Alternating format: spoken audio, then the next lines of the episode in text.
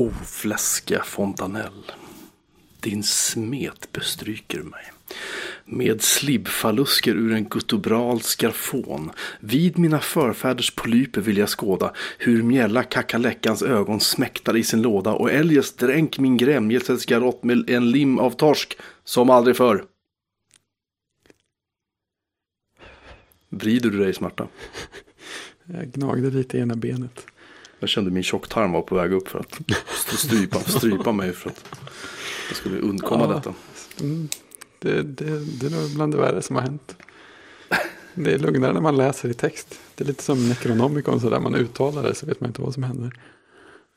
Få saker är ju så hemskt som Vaughn-poesi. Mm, jag är inte mycket. Det är inte mycket som slår det. Nej, verkligen inte. Jag är alldeles kallsvettig. När läste du Livsfarens guide till galaxen första gången? Eh, nu ska vi se, det borde jag ju faktiskt kunna eh, räkna ut rent sådär tekniskt. Vad kan det bli? 90... ja, Hur blir det då? Typ 93 och sånt där. Mhm. Borde kunna stämma. Ändå ganska tidigt va? Ja, det var... Jag tror jag var bland de första av mina kompisar som kom igenom den. Det var ganska många som fick boken ungefär samtidigt. Och sen så började alla läsa och gav upp eh, någon oklar bit in. Och sen så läste alla den igen några år senare och då gillade alla den jättemycket. Men eh, ja, jag tog mig nog igenom den redan på första försöket. Då var det de första fyra böckerna fanns väl då. Ja. Jag läste den för första gången 1987. Tror jag det var. 87 eller 88 så fick jag den i julklapp av min mor. Mm. Eh, som hade den goda smaken att för en gång skulle ge mig någonting som jag faktiskt önskade mig. Ja, fint. Eller också för att det var billigare än en, en hårddisk till min Amiga eller någonting. Jag vet. Men, men den fick jag i julklapp. Och sen fick jag resterande tre böcker. Så totalt de här fyra böckerna i trilogin fick jag. Eller som då var fyra böcker i trilogin. Fick jag då i sådär julklapp, födelsedagspresent, julklapp, födelsedagspresent.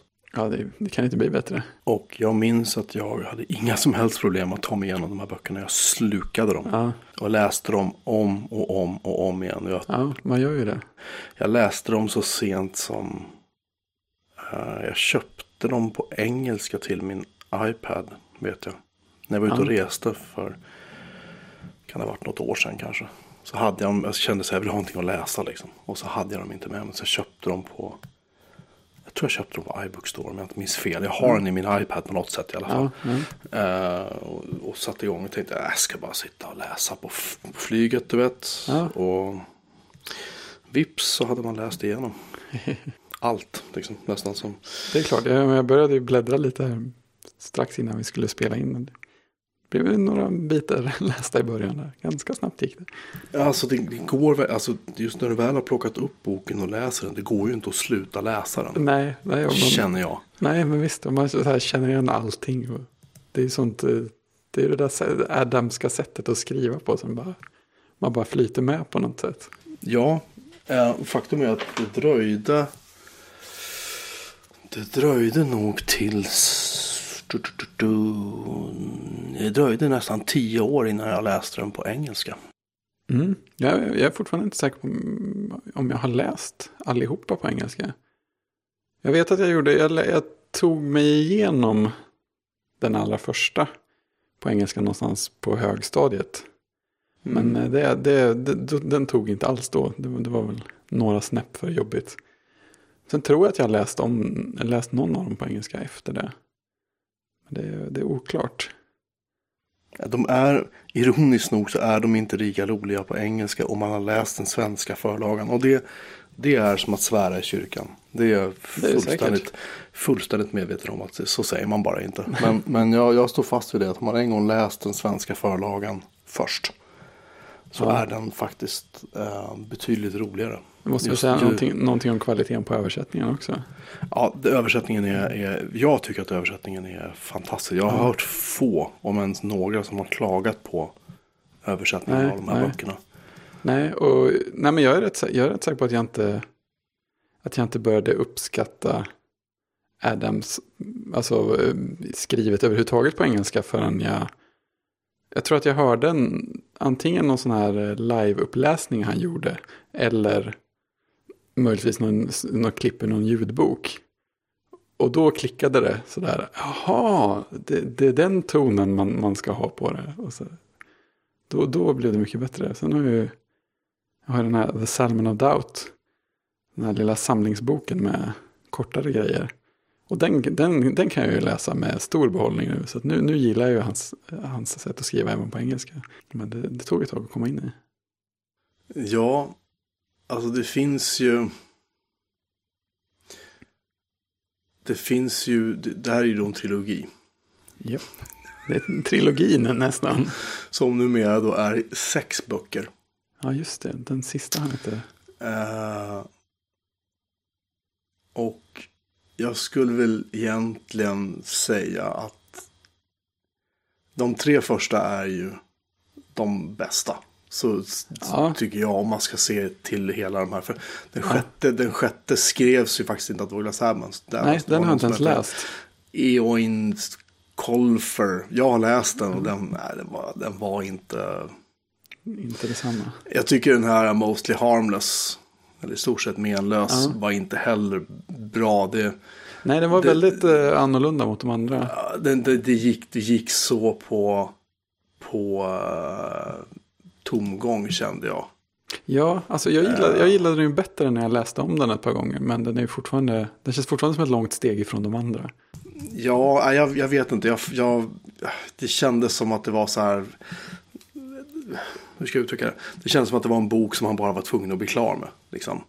Så var det väl i och för sig med alla, alla Eh. böcker han skrev. Men jag förstår vad du menar, absolut. Den var skriven i en annan sinnesstämning. Ja, om man ser till de första tre och även den fjärde så, så, så känner jag väl att eh, de, var liksom, de var liksom fulla av bra prylar och det, Ja. det, fick ta sin tid lite grann i historien. Ja, Han verkligen. tog sig tid att beskriva saker och ting. Ja, Men, många sköna många skö, Ja, absolut. Du vet, fantast, fantastiska grejer. Men det som jag, som jag garvade åt när, när Marvin står inför den här äh, stora elaka roboten Ja, på... snokjägaren, D. ja, precis på det här, på, på, på det här förlagets högkvarter Ja. och liksom lurar honom att spränga bort sin bro under sig själv. Ja. Och du vet, Åh, alltså, var- man satt ju bara sög i sånt där, Ja, liksom. alltså det var ju fantastiskt. Det ett av de, ett av de så här live-läsningsklipp som en, en kompis spelade upp för mig. Var just, jag tror det började med en intervju av Douglas Adams på scen.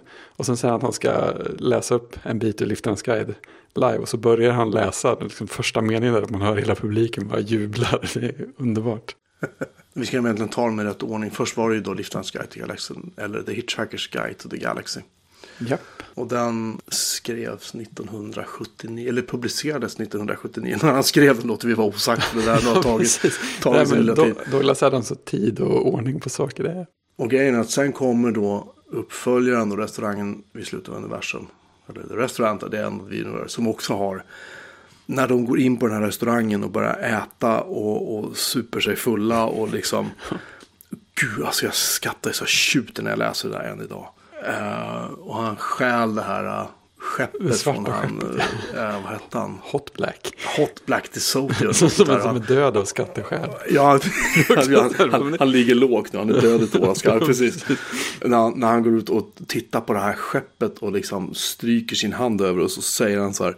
Den mannen har ingen skam i kroppen. Jag tyckte det var så otroligt roligt.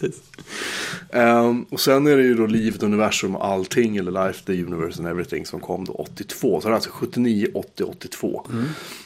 Och sen, ja, och den är ju då också så här fantastisk. Där den, man, märker att, man, märker, man märker att Douglas Adams gillar cricket liksom. Lite så skiner igenom.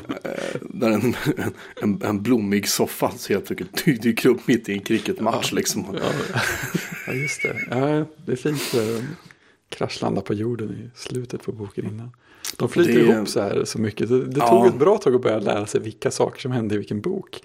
Ehm, och det här är den första historien som han har gjort som faktiskt har skrivits som en bok. Och inte som har liksom Ja. adapterats från ett radiomanus. Mm. Däremot så är det så att den här historien skrevs faktiskt för Tanken var att, att det skulle bli en film av tv-serien Doctor Who. Ja, just det. Han skrev ju några Doctor Who-avsnitt också. Ja, det är för möjligt. Jag har, Ja, ja, jag, har jag har aldrig sett Doctor Who. Nej. Jag, jag har jag har sett så här små klipp och bara tycker att det här är ju oerhört fånigt. Och sen Alltså, jag jag, har, jag har också sett ungefär så mycket. Fast jag, jag, jag, kan, jag tror att jag, jag skulle kunna gilla det om jag så här föll in i det från rätt håll tror jag. Men jag är sån här som tittar, när någon nämner en tv så tittar jag hur mycket som finns av den. Och sen om det finns för mycket så känns det bara jobbigt och så låter jag bli. Och Doctor Who finns det ju nästan hur mycket som helst av. Så att, Ja, Den har ju hållit på ett tag. Så det, Mm. det, det väl. Ehm, och sen kom det en bok 1984 som heter Adjöss och tack för fisken. Eller So long and thanks for all the fish. Mhm. Det är ju då den fjärde boken i trilogin. japp. Och det här, utöver den första delen, så råkar det här faktiskt vara min favorit. Ja, För Schysst. äntligen får Arthur träffa en tjej ja, och det, bli är, kär. ja det, är, det är fint. Ja, och liksom... Eh, och sen så... Och det är bra. Och Ja. sen så måste de åka ut och försöka rädda eh, jorden. Eller på något sätt då universum eller vad det är i alla fall. Och lämnar jorden och flyger därifrån. Och, Ja, och då blir det väl lite sådär lite suddigt på slutet. Känner jag att det känns... Och det, det, det är någonting som jag ofta kunde känna med hans bok. Med de här... Alla böckerna i den här serien. Men i synnerhet de senare då. Men det var det att på slutet så känns det som att han målar i väldigt breda drag. När han ska liksom avsluta. Det är precis som att ja. Eh, de levde klara sina dagar. Ja. Så, så slut liksom så här. Alltså, avsluta inte hans grej. Nej, det kändes, jag tror inte riktigt han visste hur han skulle sluta skriva när han gjorde Nej. de här böckerna. Utan han bara, han bara kände att han var tvungen att summera allting jävligt fort. För att nu, nu börjar det nog närma sig att nu ska den här boken tryckas för ett halvår sedan. Ja, så nu, precis, ja, nu är det precis. kanske bra att vi gör klart den. Ungefär så. Ja, är ganska mycket så. Det fin- finns ju någon sån story om att jag tror att det var restaurangen, restaurangen vid slutet av universum som hans, hans förläggare låste in sig i ett hotellrum ett par veckor tillsammans med Adams eller en hotellsvit för att den skulle bli klar.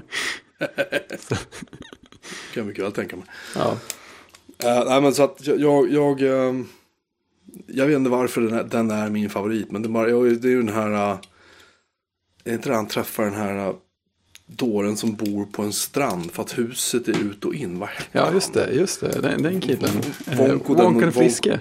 Jonko den friska, Just det, precis, resten av världen hospitalet. Just det, hospi- just det, hospitalet var ju, var det insidan av huset eller utsidan? Jag kommer, jag kommer inte ihåg. Ja, det var ju, alltså, om man gick in där så var man på utsidan. För att resten av världen var ju i hospitalet. För att Just det, det skulle så var det. tillfriskna. Så var det ja. Eh, nej, den, den, är, den är otroligt rolig och liksom har mycket, som alla de här böckerna har, mycket, driver lite med religion, driver lite Mm. med eh, sådär livsåskådning och sånt. Jag tycker de är helt, nej. Och Rob McKenna som en Jag vädergud utan att veta om det. Ja, just det, just det. Han som- Han som har, vad var det, antal hundra olika varianter av regn uppskrivna i en bok. Han har liksom. aldrig haft uppehållsväder. Nej, Och sedan hans företag McKennas allväderstransporter. Är ja, just det. Grejen är, och sen kom ju den här uh, I stort stort sett menlös. då, Mostly Harmless 1992. Jag kommer ihåg när den kom. För då kändes det så här att, jaha, Ja, var det där nödvändigt? vad, ja, lite grann så kändes det faktiskt. Att den, den, den kändes väldigt krystad. Det kändes inte som att den eh, behövdes riktigt. Nej, det är men klart, den, den, inte. den, den har lite så här små, han, han Arthur då, han kraschlandar på en planet och han blir eh, Smörgåsmakare. smörgåsmakare. Det, det är ganska fantastiskt. för, för, för, en, lit, för en liten by liksom. Ja. Eh, och och det, det, är väl, det är väl som en liten kul sådär. Det, det är väldigt Douglas Adams liksom. Så. Ja. Men eh, jag vet inte, jag, jag känner den boken kunde Jag väl lite grann ha. Jag blev lite trött när den nya guiden kom in i bilden och skulle bara veckla sönder hela rymdtidväven och sånt där. Det var, Ja, det, det, det, var, det var inte. Det var inte roligt.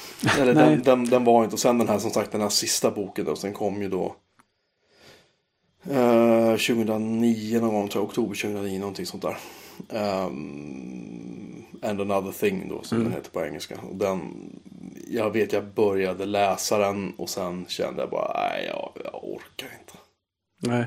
Jag vet inte, jag har faktiskt, jag, har ärligt, jag tror inte jag har läst färdigt den ärligt talat om jag ska. Och det, och det, är, lite, det är lite sådär synd. Ja, precis. Jag kom just till, jag upptäckte just en grej som... Eh, det finns ju en... Pinsamt. Nej, nej, nej. Det finns, det finns ju... ehm, de har ju släppt samlingsböcker sen. Och då finns det ju en historia som heter Young Safford Plays It Safe. ja, just det. Jag vet inte om du har läst den? Jo, den, den har jag läst. Det var också samma kompis som spelade det där eh, klippet med uppläsningen. Han, Ja, hade, okej. han hade den nedladdad någonstans ifrån i någon så här extrem basalt HTML-format eller något. Så den har jag läst. Jag tror att den är med i den här eh, Salmon of Doubt också. Ja, den är med som en... eh, eller jag vet inte om den är med där, kanske den är.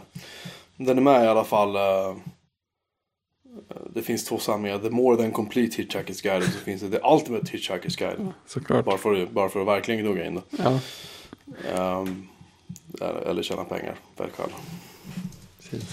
Nej, så att det, det, den, den, jag skulle säga att Douglas Adams, det, det var liksom där han på något sätt lyste. Mm. Det var framförallt med de, med de fyra första eh, böckerna i den serien. Sen, sen hade han ju faktiskt lite andra projekt för sig också. Han jobbade ju med Infocom för att, som vi har pratat om i tidigare avsnitt, ta fram eh, Hitchhiker's Guide to the Galaxy-spelet. Ja, ja, det spelade jag i Eh. början av för ett tag sedan. Det var, det var mysigt. Ja, det är, det är faktiskt det är riktigt roligt. Det är, jag, tyckte det var, jag tyckte det var grymt roligt. Ja, sen fick jag, fick jag lä- lära mig en annan sån dataspelshistorisk grej som han hade varit inblandad i. Jaha. nu när jag läste på. Det var nämligen så att han var med som någon slags kreativ konsult för ett spel som heter Labyrinth. Som har eh, den eh, stora äran att vara det allra första äventyrsspelet som Lucasfilm gjorde. Var det baserat på filmen då eller? Ja, det var en, det var en, licen, eller en tie-in till filmen. Fast det fick gå sin egen väg. Men så det, det, det ser, det, jag såg en skärm, det ser alltså ut som Maniac Mansion men är ett par år före det och har ett lite annat eh, gränssnitt. Men det var deras absolut första äventyrsspel och Douglas Adams var med. De, de skeppade iväg hela teamet till London en vecka. Så hade de någon slags workshops tillsammans med honom. Så fick de med sig hur mycket idéer som helst som de var tvungna att försöka skaka ner till någon slags. Här, Mr Adams, eh, ta en öl. Exakt. Ungefär så. Det tar aldrig slut. Ja, det är tråkigt. Han dog alldeles för tidigt. Tänk, tänk att ha Douglas Adams på Twitter. Oj. Ja, Jesus. Han, han, eh, han fick väl en hjärtinfarkt va? Ja, på gymmet. På gymmet, han stod på löpbandet eller något sånt där. Ja, men typ någon sån där grej. Jätteonödigt. Och han... Nu hitt, jag har faktiskt hittat min... En boksamling. Nej, jag hittade den här uh, iBooken som jag köpte med alla böckerna. Mm. Eh, och där har vi faktiskt den här... Um, där har vi Young, Sa- Young Safford Plays It Safe och sen är det Mostly Harmless i samma. Mm. Och sen har ju Douglas Adams gjort... Han har ju skrivit lite mer... Lite fler böcker. Mm. Kan ju faktiskt vara värt att nämna.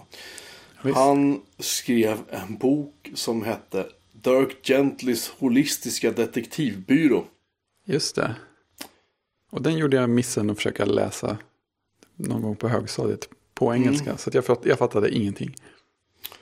Eh, och sen gjorde han uppföljaren till den var då The Long Dark Tea Time of the Soul. Eller Te-dags för dystra själar. Ja, det känns Ja. också sådär. Jag har till dags dato inte läst Dirk Gentlys holistiska detektivbyrå. Men jag däremot så fick jag och läste Te-dags för dystra själar.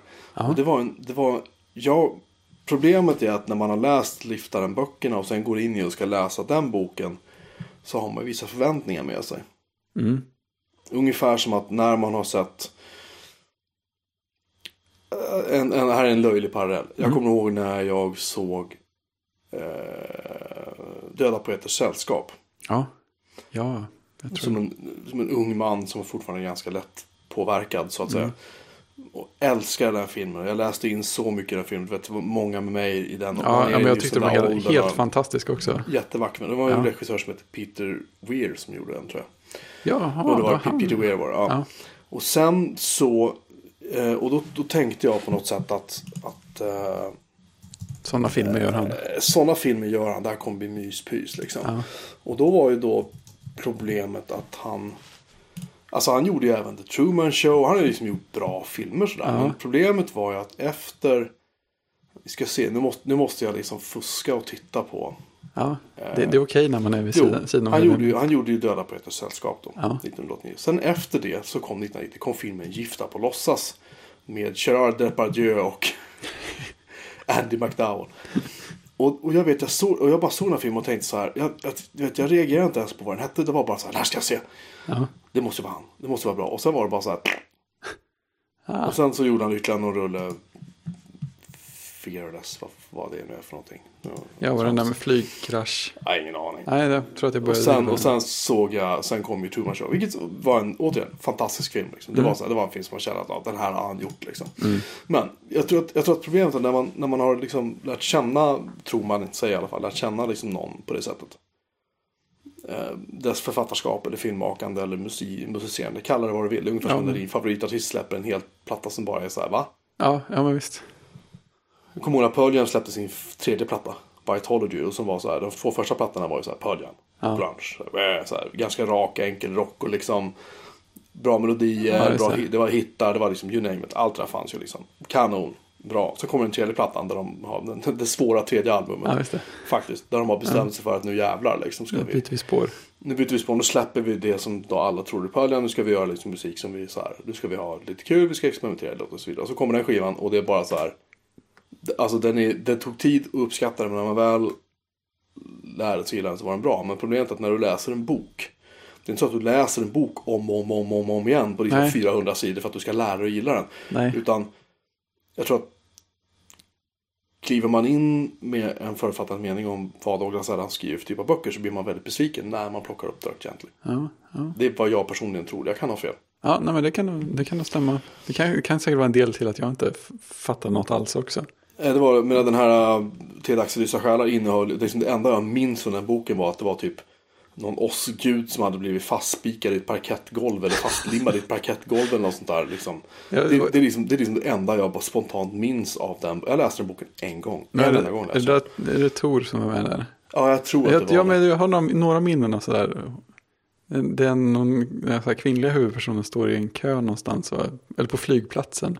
Och så står en jättejobbig stor man bakom henne. Som ska försöka komma igenom bagagekontroller eller något sånt där. Så det är Tor. Jag tror att han gick och kontrollräknade stenar i Wales eller någonting sånt där också. Ja men det, det är så. Och det, det, här, det, är säkert, det är säkert jättebra grejer. Jag, jag, jag ifrågasätter inte det. Men problemet är liksom att. Jag vet inte. Nej, det är inte, det, det är inte samma. det var inte vad man hade förväntat sig. Liksom. Nej. Nej, men det är, väl, det är väl samma sak. Eller eh, det är väl en del av grejen också med, med femte boken i trilogin. Alltså den var inte alls som jag hade väntat mig. Nej, men ja, det var väl... Nej, precis. Det, det, kändes, det kändes mer som att nu ska vi mjölka det här liksom. Ja, Det var lite grann så det kändes tyvärr, Ja. tycker jag. Han gjorde andra konstiga projekt. Han hade en bok som heter The Meaning of Life. Ja, den är rolig. Ja, jag vet. Den är, den är nog rolig. Och jag vet, jag hade den där boken. Och jag vet att jag gav bort den till en kompis. För att jag, det var samma sak lite grann för mig. Det var så här. Ja, men det här är ju inte, det här är ju inte liften. Liksom, vad ska jag med det här till? Nej, nej, det kan jag absolut förstå. Jag tycker, tycker den är väldigt rolig. Det enda som stör mig är att det är jättesvårt att använda orden på svenska. Och sen gjorde de ju också, han gjorde en film som heter Last, Last Chance to See. Den Ja. boken hade jag också. Och den vet jag faktiskt inte var den tog vägen ärligt talat. Nej, jag har inte läst den själv, men jag gav bort den till min pappa. Den var ju... Det var alltså Douglas Adams och en kille som heter Mark Carvardine som gjorde den. Där han... De söker upp och tittar på djur som är väldigt nära utrotning. Vilket är inte på något sätt ett, ett, eh, ett ämne att skämta om ens en gång. Det Nej, är väldigt, verkligen. väldigt viktigt liksom. Men det var samma sak. Han, han, han gav sig in i så här projekt som jag inte riktigt förstår alla gånger vad han skulle dit och göra liksom. Alltså, var, han- var, han, var han rätt kille att prata om det? Ja, det är ganska roligt. Han har skrivit några artiklar om det själv också. Jag, vet, jag tror att några, några sådana grejer kanske är med i Salmon of Doubt också. Men det är ganska kul för han, han, han skriver ungefär samma sak. Så, hur sjutton hamnar jag i det här? Vad gör jag här? Jag är en jättelång obekväm britt som ska försöka ligga och sova på den här lilla kojan ute i djungeln på Madagaskar. Det, det liksom kryper av insekter överallt. Hur gick det här till? Jag gillar hotellrum och te. Ja, ungefär. Så han har alltså skrivit en, två, tre, fyra, fem, sex, sju, åtta, nio, tio, elva, tolv, tretton böcker. Om man räknar The Salmon, Salmon of Doubt. Ja, det får man väl göra som man, som man vill antar jag. Ja. Jag vet inte om det var så att jag måste, vi måste kolla upp varför jag inte gjort det. Det, känns, det, känns, det, här, det här är så accidental bokpodcast. ja. Uh, Perfekta namnet. Hitchhiking the Galaxy One Last Time. Just det. Stephen Fry hade skrivit förordet till den. Mm. Och det var ju upplagt för succé. Nej men det var, det var, det var han som skrev den. Uh, just det, Salmon Doubt var tänkt att det skulle vara en Dirk Gently-bok egentligen. Ja, alltså de, de bitarna har jag inget minne alls av. Allt som, allt som fastnar för mig av den boken är alla roliga kortare grejer som är med. Som när, när han skriver en liten artikel om hur man dricker te på rätt sätt. Och... Det här är intressant. Douglas Adams har själv sagt att han tyckte Mostly Harmless var, inte var en särskilt bra bok. Mm. Ja. Han höll med folk som tyckte det. Han ville att, uh, han ville att uh, Hitchhiker-serien skulle sluta lite mer positivt. Och det var därför han ja. skrev Salmon of Doubt. Och, liksom. Uh, ja, det... och, så, och så tyckte han att nummer sex var ett mycket roligare nummer än nummer fem på en bok. Så att, uh, ja. Ja, det är skönt. Han, för, han förstod oss. Ja, det är, väl, det är väl fint att han förstod det själv på något sätt. Men, ja. men då undrar man ju liksom varför skrev han den här Mostly Harmless? Eh, det kändes som sagt, att det kändes som att det gick så, det var så bråttom på något vis. Eller det var så, det var lite tunt och lite... Ja, lite, ja. ja. Någonting var det. Ja, det var inget, det var inget vidare. En annan, en annan kul eh, para, eller en liten kul så här, liten historia om Douglas Adams är ju det faktum att han var en väldigt stor Mac-älskare. Mm. Och han var den första personen i England som hade en Macintosh. Ja, och Stephen Fry ska ha varit två. Ja, han var två, precis. Mm. Och Douglas Adams var ju tydligen en sån där typ Apple, inte, han var så Apple Fellow, han hade en sån här titel. Aha, någon sån där, ja. Mm. Eh, vad hette det? Apple Fellow var när man har varit anställd länge. När man i princip kunde bara glida runt och få lön och göra precis vad man ville. Liksom. Ja, Wozniak-nivån. Ja, det var lite Woz, precis. Men det här, det här var något annat. Det var så här, ja. Ja, men någon sån person det, det, det var, som det var vipparna liksom. Det ja. var vipparna. De i alla fall, och han, han, var, han och Stephen Fry var det bara två. Och de blev ju liksom jag erbjudit till Apple och fick hänga där och han mm. köpte nya mackar och han var aktiv på maillistor och liksom han var väldigt engagerad och väldigt uh, och det är ju därför han i uh, Adjöss tack för fisken när han ska köpa en dator för att han ska för att han ska då för att han träff, träffar den här flickan då. Ja, Fenchurch. Fenchurch. Det vet han ju inte om vad, tror jag att hon heter det än. Men i alla Nej. fall, de, de, träffas väl och hon skriver ner sitt telefonnummer till honom på, någon, på en, en lapp av något slag. Japp, som han direkt tappar bort. Ja, och sen så Tydligen så börjar han studera liksom stjärnornas banor och han gör en massa sådana ja, konstiga... köper astronomiprogram. Ja, han, och han, han, gick iväg då liksom och köpte då en, en, en Mac först. Man behövde en dator för ändamålet då. Yep. Jag kommer inte ihåg om det var en liten historia om vem, vem han fick som, vem han lyckades få betala den där macken åt honom. Det är möjligt att det var någonting om det i boken. Men... Jag tror, jag tror att Arthur Dent köpte den själv, har jag för mig. Det kanske var så enkelt. Ja, kan det vara Um, och sen så blir det lite så här mambo jumbo. Och sen plötsligt så räknar han ut någonting. Och så går han iväg och knackar på en dörr in i London. Och då råkar han komma rakt hem till henne. Och hon, hennes svar är bara. Jag tror du skulle ringa först. Ja, precis.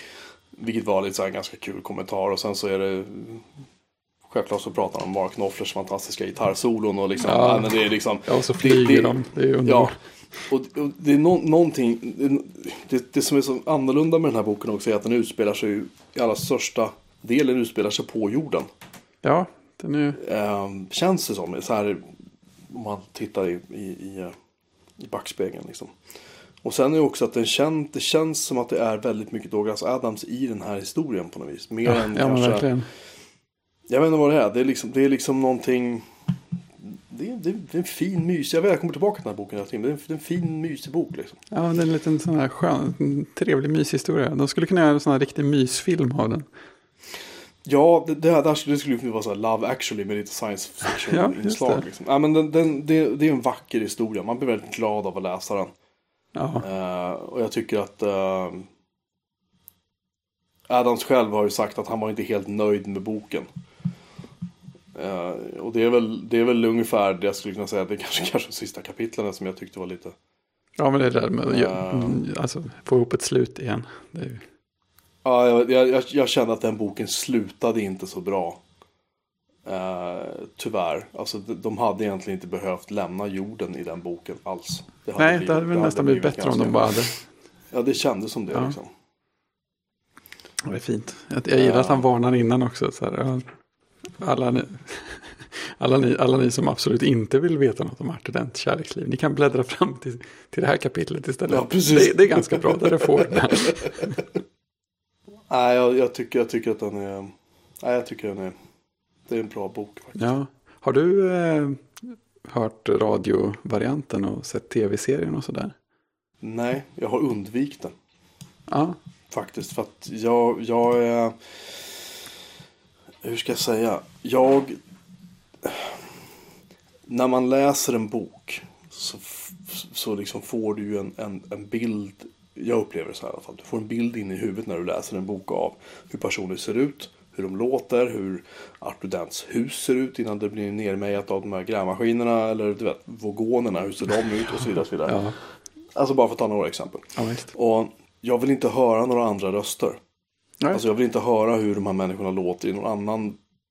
För, för det, här, är- det här är en så stor del av min, av min ungdomstid, mina tonår. Liksom. Ja, Alltså jag skulle vilja säga att Liftans Guide till Galaxen eh, faktiskt formade mig till en viss del som människa. Den fick mig att vara mer intresserad av att skriva. Den fick Ja, mig att bli mer intresserad av liksom, den, den, den, den visade mig vad humor kunde vara på ett sätt som, som ingen annan bok hade gjort. Nej, det, det, fin, det finns liksom inget annat. Åtminstone känns det inte som att det gjorde det då. Och Absolut inget som jag någonsin hade läst som var något i samma stil. Och ingenting som var tillgängligt för en 15-åring, 16-åring. Nej, men, nej, men Man precis. kunde, man kunde läsa det där och man fattade skämten. Och även om det var grejer som gick över huvudet på dig. Som det fanns liksom referenser till religion som Ja, kanske inte ja, var så visst. klockrent enkla att fatta. Men det gjorde liksom ingenting. Nej, nej men det är sådär häftigt när, det, när man får tag i någonting som är precis på den där nivån. att man känner att ja, men, eh, okej, det kanske är grejer som... Jag känner att det finns mer djup här. Eller grejer som går mig helt förbi. Men det är ändå, det är ändå så här. Det, det, som, det som jag kan greppa är så bra. Så att, så att det där att det finns massa fler grejer som jag inte förstår än. Det är bara, det är bara en bonus. Man känner att det finns mer, ännu mer att hämta. Precis. Det gör ingenting. Faktiskt. Nej, men, nej. nej men Ehm. jag, jag, jag tänkte också när jag funderade. Så det var, det var liksom, det var, nej, jag har inte, jag har inte hört radioteatern eller, eller tv-serien. Allt det där har jag bara ignorerat. Däremot har jag sett filmen. Mm. Ehm, och jag tyckte väl, alltså filmen Livsens guide till galaxen byggde ju på ett manus som Adams skrev. Jag tror inte han hann färdigt det innan han dog. Nej, nej, han gjorde inte det. Ehm, och de på något sätt lyckades rädda det där och göra en film av det och lyckades få liksom ganska stora delar av Englands skådespelarelit att vara med i den här filmen. Stephen Fry var ju självklart med i, i, i Ja, som en berättarroll jag för mig. Uh, Alan Rickman var med. Alltså det var ju massor av jättebra skådisar med i Ja, den här filmen. Jag tycker inte att det är nödvändigtvis är en dålig film. Nej, nej, men det tycker inte jag heller. Jag tycker Jag att tycker den, den är ganska underhållande. ja, men precis, den, klar, den klarar sig. Ja, det gör den Sen är det inte den perfekta Liftens Guide-filmen heller, men den, den, den sköter sig ändå. Men, men seriöst, hur skulle en perfekt Liftans Guide-film se ut? Det skulle- nej, alltså, det finns väl säkert en miljon olika. Men, men jag, kan- jag kan tänka att, eller det som började störa mig redan från början var ju när, när de började skriva om filmen och inför filmen och de skrev Ja. lite artiklar och sånt där, så skrev de med att Ja, men vår- vår, ledstjärna är ju att ja, men ta det här som Adams har skrivit och göra det bästa möjliga av det. Och jag började bara tänka, nej! Alltså, hans grej var att han aldrig blev klar med saker. Ni kan ju inte säga rakt ut att ni ska ta något som inte är klart att göra en film av. Kan ni inte göra klart istället? Sen är det ju... Eh, den filmen bygger ju på brottstycken från de fyra första böckerna. Mm. De har ju till och med med delfinerna som hoppar i, om det är introt, musiken tror jag. Ja, så det är det, so just det. Thanks for all the fish och Ja. sånt där liksom. Ehm, Jag, jag är inte hundra på att den frasen förekommer i de andra böckerna. Ens en gång. Jo, Ja, men de, jo. Det, Det jo, kanske den gör, minns delfinerna innan de lämnar jorden. Så, så gör de ju något som alla människor feltolkar som ett jättehäftigt så här hopp, eh, trippelsalt och mortaltrick. Men egentligen betyder adjöss och tack för fisken. Okej, för de hit, ja precis, men de läste ju inte ut det förrän de hittade de här skålarna i just för tack för fisken, de här glasskålarna. Nej, nej men precis. Nej. Och där stod det ju just tack för fisken ingraverat har jag för mig. Det var Ja, det där, gjorde jag just för, det. Jag för mig att det var där det var första gången. Jag fattar inte att jag minns det här ens en gång. Men, men, nej, men det är som med så, så, sånt är livet liksom. Ja, det finns där. Ehm, nej, jag, jag känner väl att, att ehm, jag tyckte filmen var helt okej.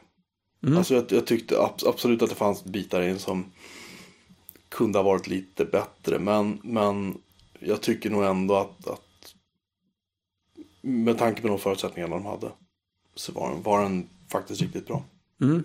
Jag kan säga att ja, tv-serien tycker jag inte var något vidare.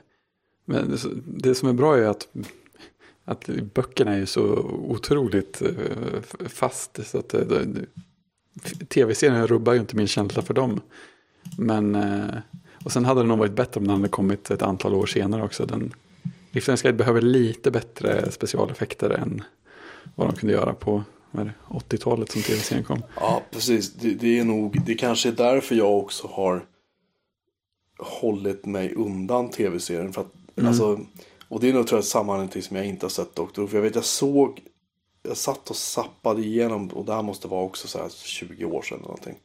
Och så råkade jag se någonting Mm. med Doctor Who. Och det var så här, det var så billigt. Det var så dåligt ljussatt och det var bara så B. Och så, jag, jag tror att det är därför nu jag inte har sett den här tv-serien. För det, jag har bara samma känsla om den, att det här kommer inte vara kul liksom. Nej, nej, nej, men det känns som, nej, tv-serien kä- känns inte som den tillförde något för mig. Den, den förstörde inget av det andra lyckligtvis, men den var, den var inte speciellt bra. Ja men just att du, du behöver ha specialeffekter, du behöver ha en budget, du behöver ha liksom, Ja, men visst. du behöver ha på något sätt alltså, fantastiska resurser Ja. att tillgå för att kunna göra de här grejerna rättvisa. Ja. Det duger inte med att stå och liksom fuska ihop det. Det duger inte med att ha en så här alien i en gummimask och en filt. Liksom, så här, äh, ja, här kommer vogonerna. Liksom, för att folk, alltså, även om, det hade, även om man hade sett det här när det kom ut. Så hade man ju sett det att nej, det här är liksom. Nej, För, för du hade sett Star Wars. Du hade sett 2001. Du hade sett massa fantastiska liksom, science fiction filmer och tv-serier framförallt. Men ja, Star Trek i viss mån också liksom. ja. ja men det började, Ehm. det började ändå dra ifrån vad de med riktigt mycket expertis och riktigt stor budget kunde göra, som inte gick att göra en, t- Nej, precis. Då funkar det liksom inte att komma med så här. Nu ska vi ta Douglas Adams bok och göra en tv-serie av det. Så ska vi casha in på det här liksom. Och så göra det kast. Mm. Det, det är inte okej för att citera vår statsminister. Nej, precis. Ehm, så att, nej, Nej. Jag, undv- jag undviker. Jag tänker, jag tänker aldrig se den. Nej, men det som, det som, den, som de har i den serien som faktiskt är bra. Det är, de har några stycken så här berättarsekvenser. Som är så här berättarröst som läser upp saker ur Liftarens guide till galaxen. Mm. Eh, Referensgrejer då. Som, som de har eh, alltså handritad retrodatorgrafik till. De sekvenserna är riktigt bra. Mhm. De, de skulle jag säga är vär- är värda att gräva upp på YouTube eller något. För de, de kommer jag ihåg som väldigt schyssta. De, de, liksom, de ser ut på rätt sätt så de, de, de, de åldras inte.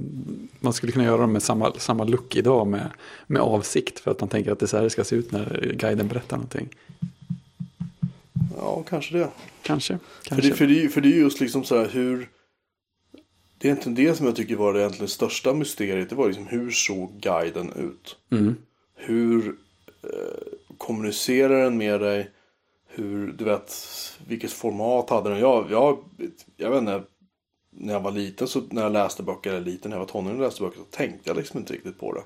Jag reflekterade liksom Nej, inte över det. Men sen när man läst de böcker där jag är vuxen så är det så här, ja men det är ju en iPad. Ja, men Alltså visst, det är i ju det. princip. Det är ju det. Ehm, Jag vill ju ha den. Nej, ja precis. Nej, jag vet inte. Jag, jag, känner väl, jag känner väl att jag fortfarande, det var inte många år sedan jag läste om böckerna igen. Och, och jag är på väg att göra det en gång till. Ja, jag ju på väg, på väg nu i princip. Så att, eh, det lär bli en Ja. genomläsning till här ganska snart, det känner jag på mig.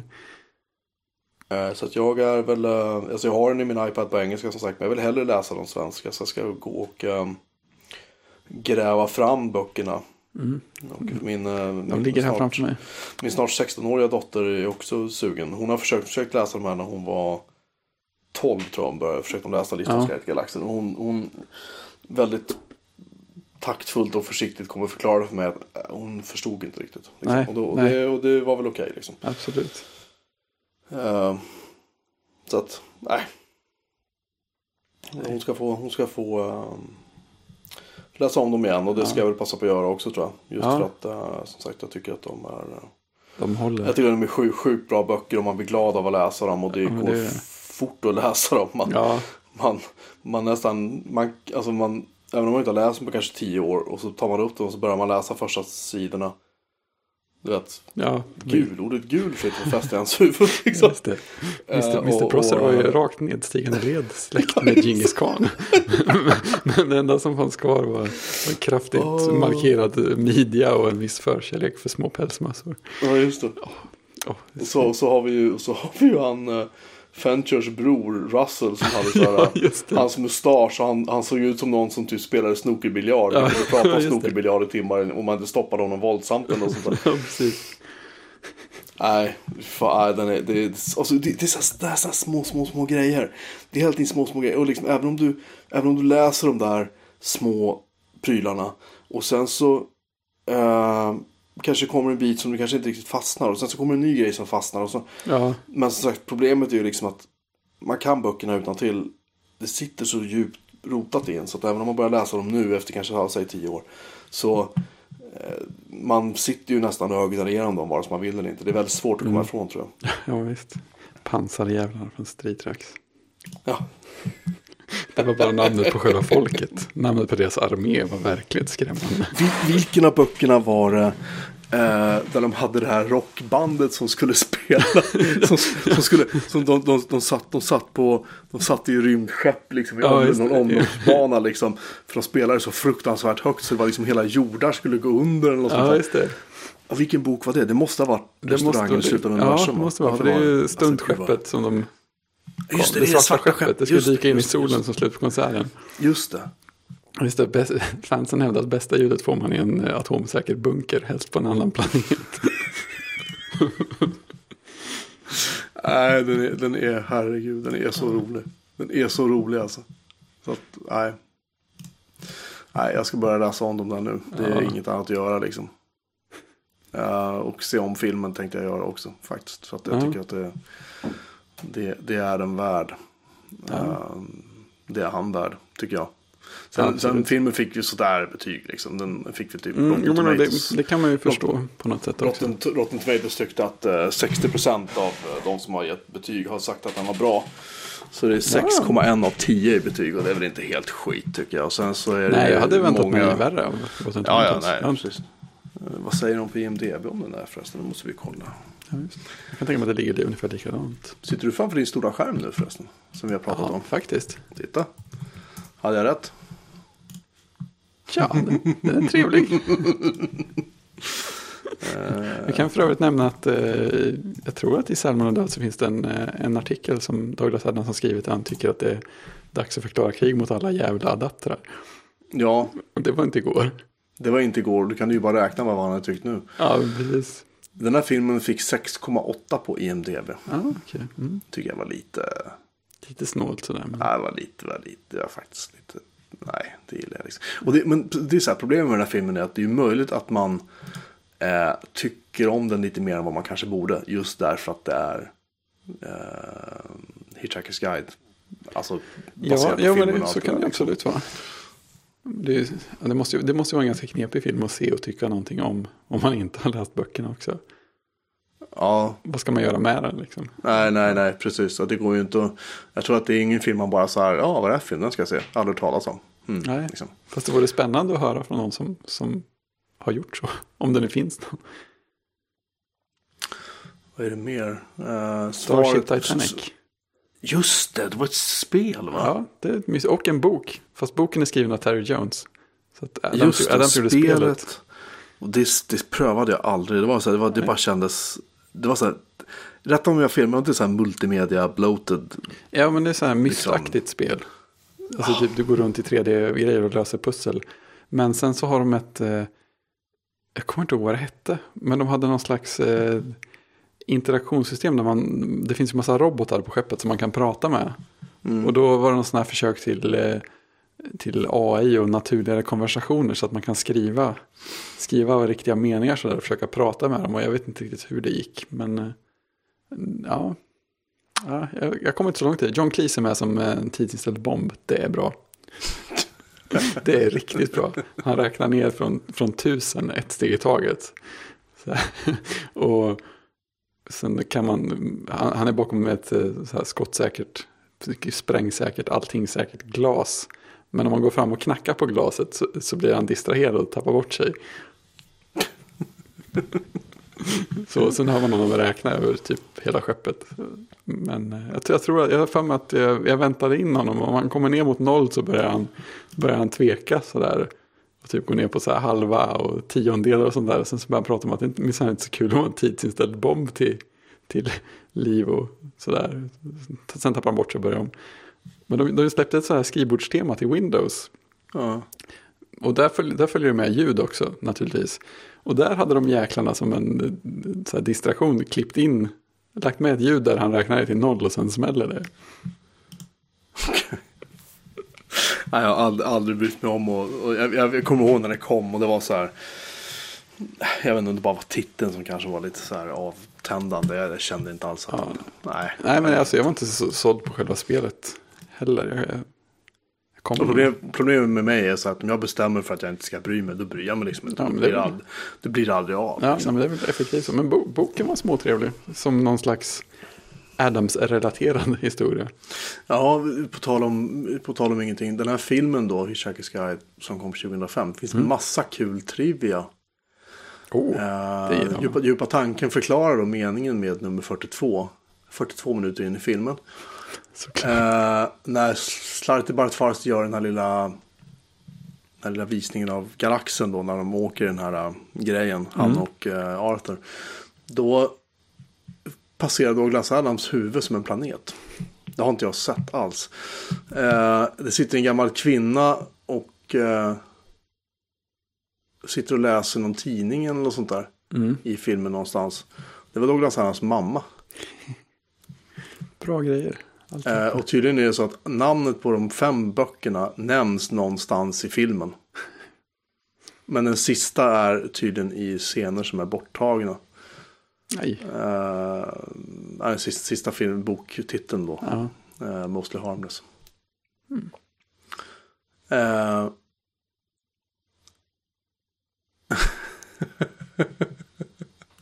Låter bra. Belgium, Belgium, which according, according to the original radio series is the most unspeakable rude word there is, can be heard in the movie three times. Eller three or so times till och med. Ty, tydligen, var, tydligen var det så att Douglas Adams hittade på namnet Slarty Bart fast för att han skulle, skulle låta oerhört eh, det. otrevligt. Men det skulle ändå passera BBCs jättetajta språkregler Ja, då. ja. Vad man kunde sända på radio. Så han började med ett Farti Fuckborls.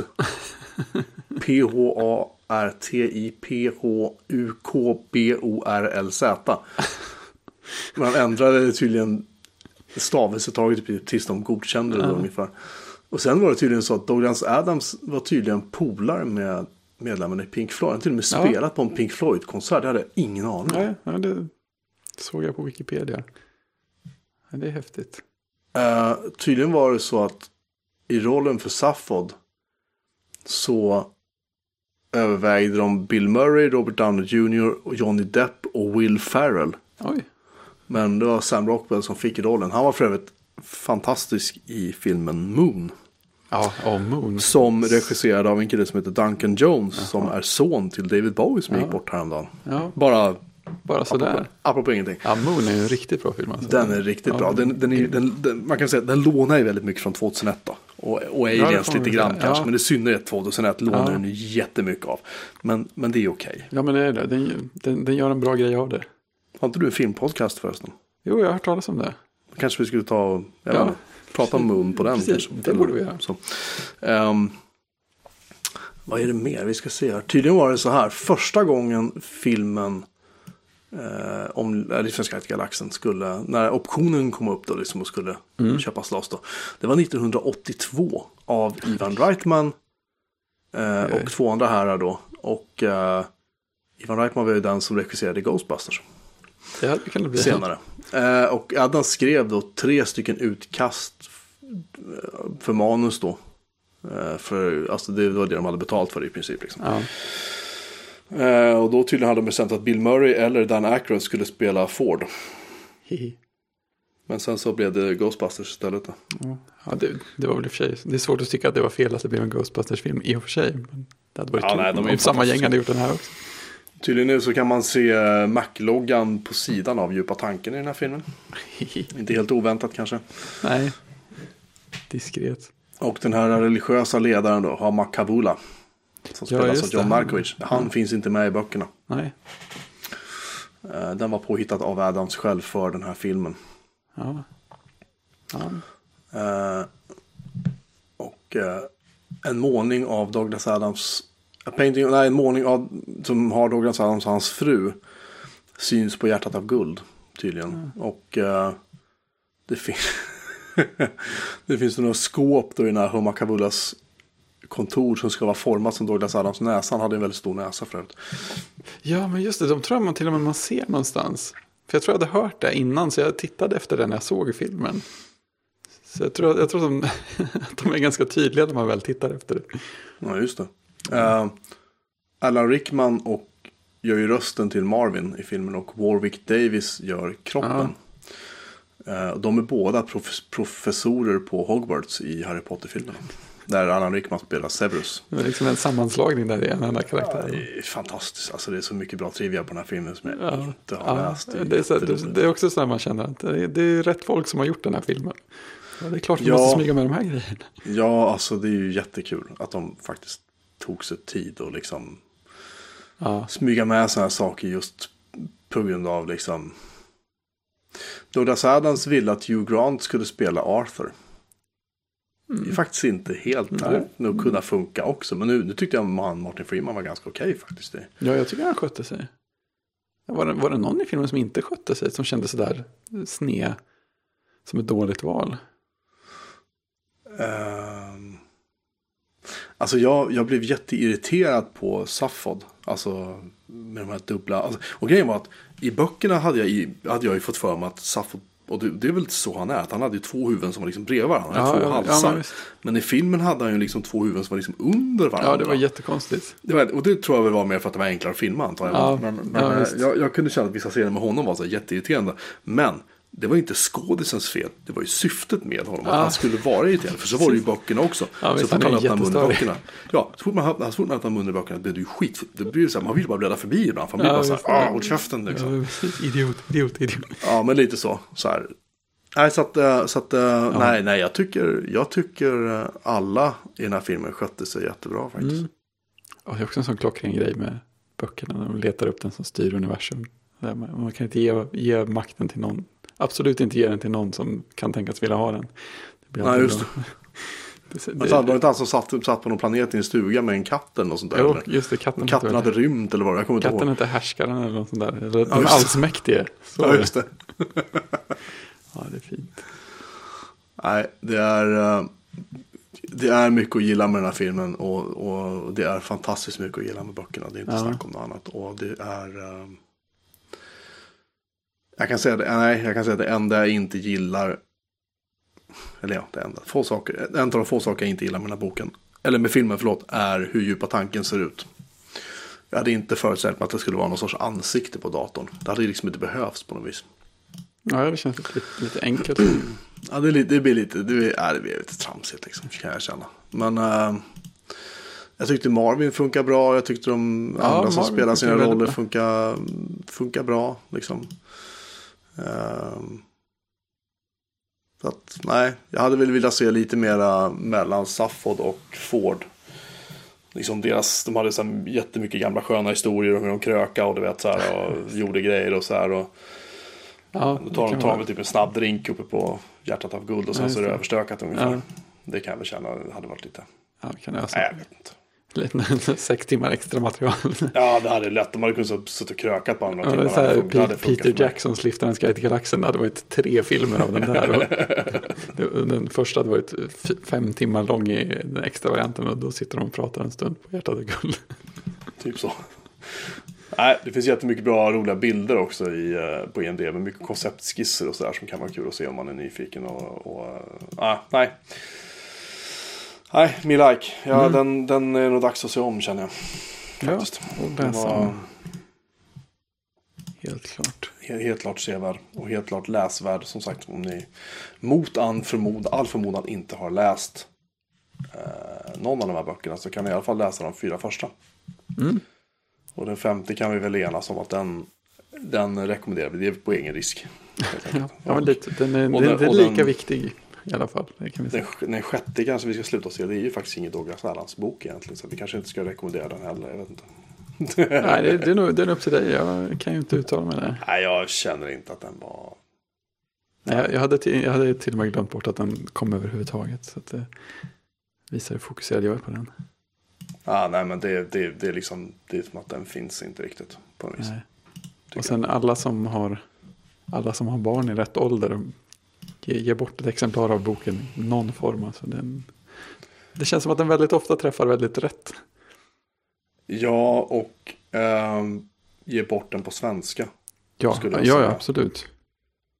Inte på engelska, för att på engelska då är risken att det, det är mycket som det är mycket som går en förbi. Alltså även Ja, om man läser nu i vuxen ålder, man är, jag tycker jag är ganska okej på engelska, då ehm, det, det är mycket så här som man fortfarande, man orkar inte riktigt läsa orden ibland för det är så, det är så han skriver så otroligt kompakt Ja, men, ja, men visst, engelska liksom. ja, men visst och det, det, det är ju mer än tillräckligt mycket att försöka ha, ta in och hålla reda på de första gångerna man läser den på svenska.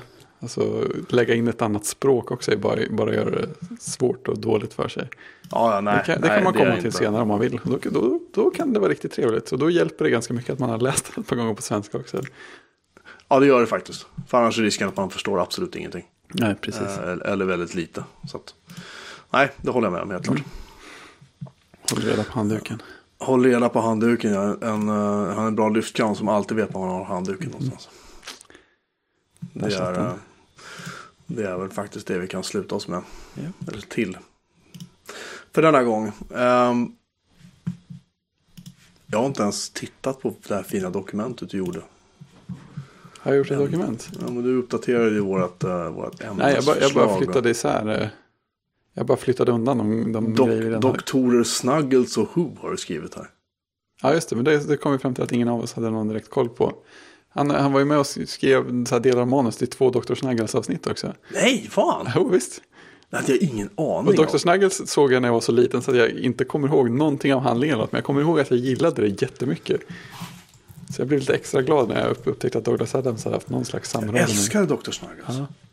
Ja. Eh, det gjordes i Holland, det kan ju förklara väldigt mycket. För ja. Ja, ja, det är som man tänker på det så. Hur, hur sjutton ha- hade det där kunnat bli gjort någon annanstans någon annan gång? totalt 13 avsnitt gjorde de. Jo, så här, så här jag, kom, jag kommer ihåg, jag älskade när Dr. Snuggles kom. Det här var ju då, kära barn, ni som är lite av den yngre karaktären.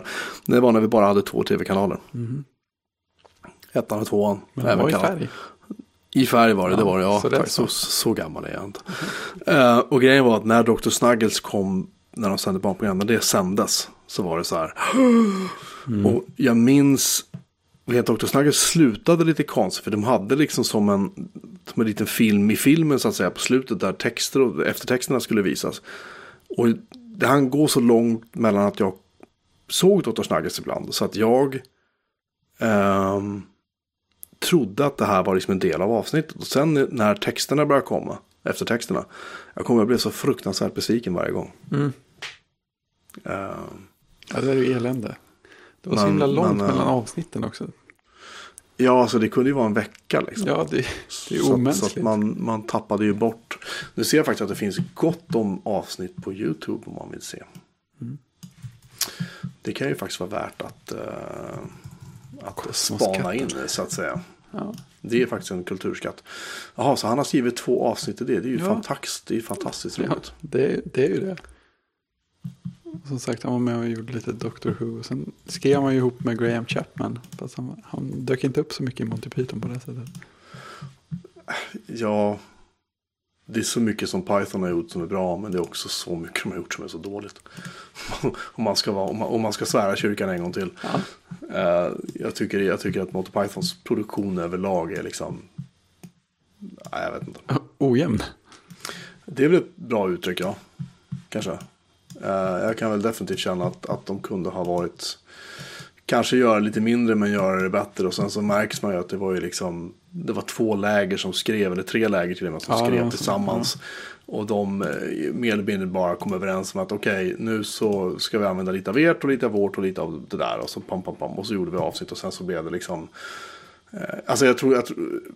Ska man summera det, det bästa de gjorde det kan man se i liksom live at the Hollywood Bowl. Det var liksom...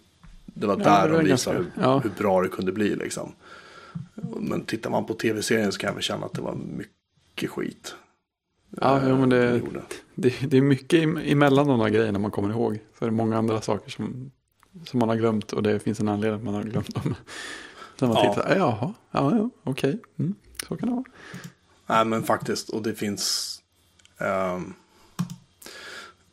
jag kommer ihåg min favoritsketch var ju, det, en av favoritsketcherna var ju Confused the Cat. Kommer du ihåg den? Confused the Cat Limited. jag, känner, jag känner igen mig. där, de, där, där, de, där de ringer över, de ringer någon eller kommer till någon och säger så här, vår här katt, han, liksom, han, han sitter bara där, han äter inte så här, han har suttit så här i flera dagar nu, vad ska vi göra? Så här, du vet, är så här, de är så här medelålders engelskt par som är helt hjälplösa. liksom, och, och, eh, och de, eh, och så säger John Cleese bara, eh, Tell me sir, have you confused your cat recently? och så ringer de in en hel armé av människor då som är där från Confused Cat Limited, eller Confused a Cat Limited. Eh, fruktansvärt roligt. Ja, ja, jag gillar Upper Class Tweet of the Year-tävlingen också. just det. Det är fantastiskt. Det är fantastiskt och det är... ah. Jag- jag kommer ihåg den här, eh, de här fyra Yorkshire-männen som sitter Ja, i också ja. Hollywood Bowl. Den sketchen de sitter och röker sina cigarrer och drar ner ena skröna efter andra. Sen börjar det självklart spåra lite för det gör det alltid Monty Python. De kunde liksom aldrig... Mont, och tänk på det, Monty Python kunde aldrig avsluta en film eller en sketch. Nej, de, var- de är lite samma som Douglas Adams.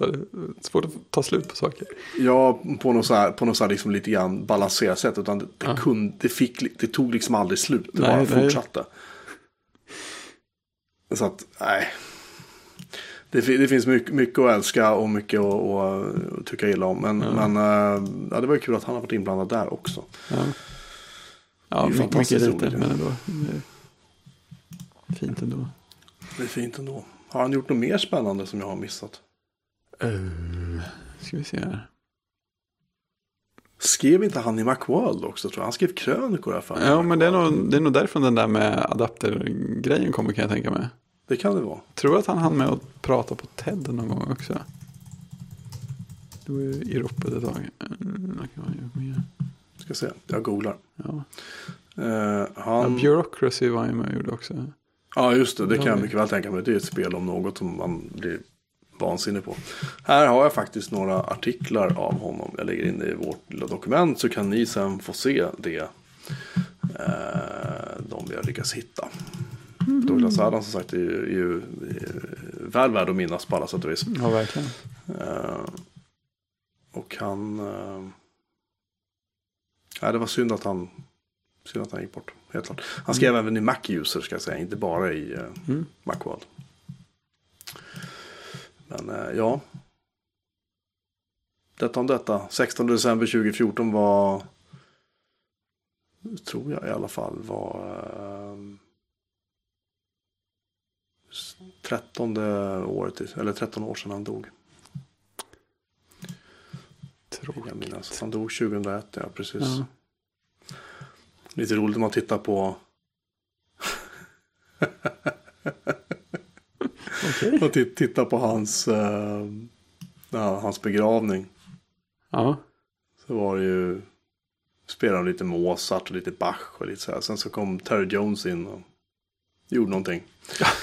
och sen, bara, sen kom en, en kille som heter Margot Buchanan in och spelade låten I wanna be a rockstar. Och sen så på... Och sen så... Eh, kom in några till och sen så kör de fyra låtar. Imagine med John Lennon, Hey Jude med Beatles. Drive My Car med Beatles och Paperback Writer. Ja. Det var kanske så han såg på sig själv. Ja. Jag vet liksom. Nej, Det är bra det är uh, synd att han är borta. Synd att hans sajt ser ut som skit också, men det är ju en annan femma. Ja, precis. Den hade säkert sett likadan ut om han hade levt också. Det hade varit så här, ja, Ja. jag ska fixa den och ta tag i det. Det är någon som uppdaterar den här fortfarande. Så sent som i slutet på 2014 är den fortfarande uppdaterad. Ja. Jag kom in på någon sån här Hitchhiker-wiki också som verkar vara Jaha. väldigt aktiv. Man kan kolla upp eh, Paula Nancy Millstone Jennings. Hon som skriver universums sämsta poesi innan jorden förstördes. En extremt eh, mild omskrivning av eh, Paul Neil Milne Johnstone. Som, som faktiskt var en riktig, en riktig poet. Eh, som var Ingen Ja. vidare eller? Ja, men de, de gick eh, på samma skola, han och Douglas Adams. Jaha. Och båda fick så här priser och utmärkelser för sina engelska kunskaper. Och sådär. Så att, I någon av de första eh, varianterna av eh, guide till galaxen så, så var det faktiskt hans namn rätt upp och ner. Sen bad, sen bad Paul eh, Adams att ändra namnet lite grann i alla fall. Så han inte skulle bli utskämd. Jag var nästan besviken. Alltså jag, jag hade tänkt att det skulle vara någon sån här, att det faktiskt var en riktig person rätt upp och ner. Det var nära. Det är fantastiskt. Mm. Ja, um, detta om detta. Där kan vi sitta och jiddra om halva natten. Jag skulle, skulle tro det. Jag har inte börjat högläsa från början till slut. Nej, precis. Det räcker med, räcker med Vogon-poesin. Och om några av eh, er som lyssnar mot all förmodan överlevde det.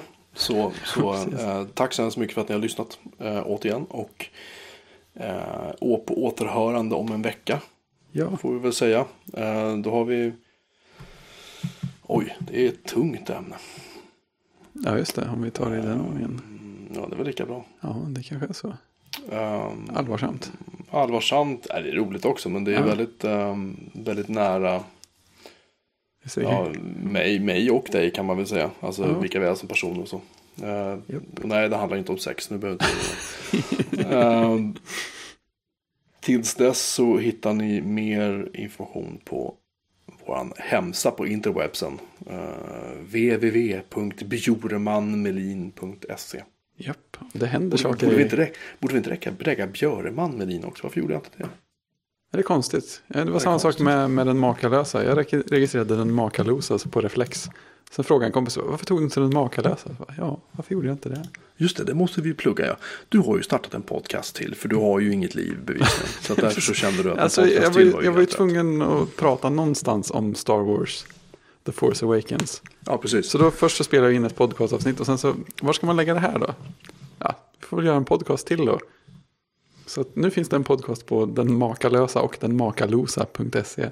precis. Som man kan lyssna på ett avsnitt om Star Wars The Force Awakens. Vi har till och med mm, smugit in ett eh, spoilerhorn som varningssignal. Så vi, vi är oerhört nöjda. Ja. Det måste, jag- det måste jag försöka. Jag måste lyssna på det i bilen imorgon. Mhm. Ehm, Men då, har du sett filmen nu eller?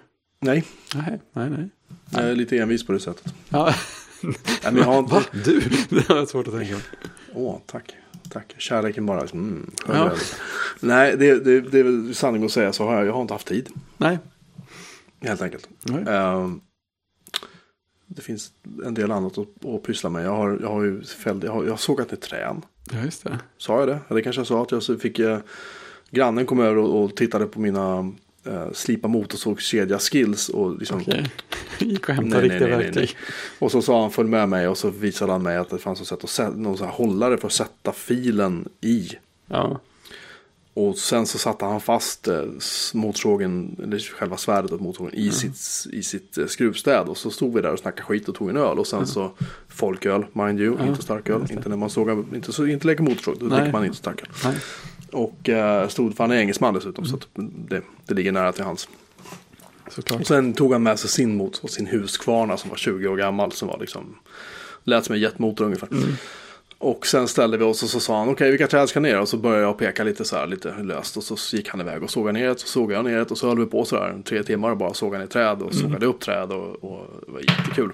Ehm, och sen passade jag på att ringa ner min andra granne, min gode vän Fredrik. Och så hjälpte han mig och bila loss min vedspis i köket som jag måste fixa rökgången till. Jaha, det var ett litet, Det var så små, extra små projekt. Sen vaknade jag söndag morgon och hade ryggskott. Förrackningen eftersom jag, eh, min rygg kunde vara bättre.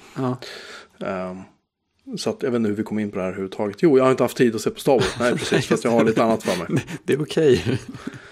Ehm, så att eh, till skillnad från dig så jag har jag lärt mig självkontroll i att inte starta nya projekt hela tiden. Ja, ja, det, För det är, det, är, det är någonting annat som jag är ganska ökänd för att jag startar nya projekt. Mm. Nej men en tidning, det kan man väl. äh, Det kan man väl, det kan man väl dra igång. Bara Vad fan, det, det, det, det tar väl ingen tid. Det är bara, eh, bara Ja. göra liksom. Nej, men tank, tanken med den podden är ju att kunna lägga ut ett avsnitt gång ibland när man känner för det. Och kunna alltså, ha, ha någonting där man kan variera mm, deltagarna också efter vad det är som pratas om. Att, eh, Den enda konstanta deltagaren kommer ju bli du.